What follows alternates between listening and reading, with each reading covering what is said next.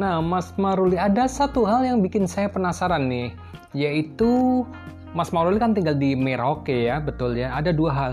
Pertama adalah bagaimana Mas Maruli yang tinggal di Merauke bisa menjangkau sekian banyak pembaca yang terutama kemungkinan besar pembelinya adalah ada di Jawa. Itu yang pertama. Yang kedua adalah ini kan masa pandemi. Ya. Se -se Seberapa susah Mas Maruli untuk bisa bisa uh, bertemu dengan calon pembaca atau melakukan audiensi, talkshow atau segala macam pada masa-masa pandemi yang agak susah untuk bisa keluar rumah. Silakan Mas Maruli.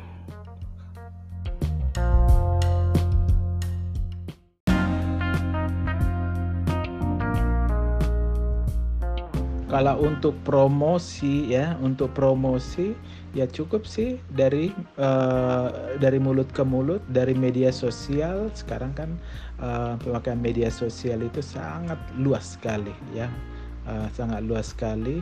Jadi memang uh, saya kebanyakan ya uh, apa mempromosikan atau uh, mempromosikan buku ini adalah lewat uh, media sosial terus Tokso Tokso Tokso ini juga Tokso buku pertama dan kedua ini juga uh, kebanyakan melalui eh, apalagi sekarang seperti sekarang ini ya. Seperti sekarang ini uh, karena uh, masalah untuk ketemu fisik jadi ya secara online memang kebanyakan ya untuk sekarang ini. Tapi untuk buku pertama itu untuk buku pertama itu sangat sangat uh, apa ya mempengaruhi banyak saya uh, diundang untuk uh, apa ya untuk uh, menghadiri pertemuan-pertemuan setelah terbitnya buku pertama. Tapi untuk buku kedua ini karena ada masa pandemi seperti sekarang ini ya kebanyakan memang secara on secara online.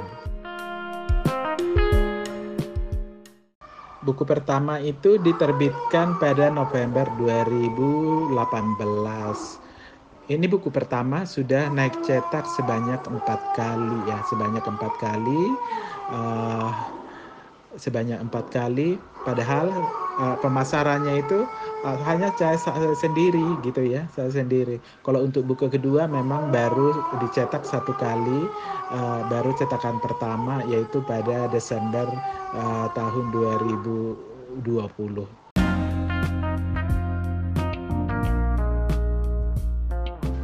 penjualan buku-buku penjualan buku-buku tersebut ya sangat spektakuler lah saya bilang ya.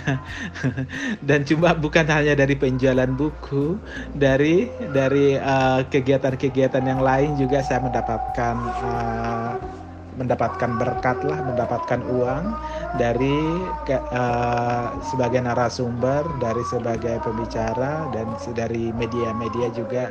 Ya benar-benar saya di luar dugaan saya di luar dugaan saya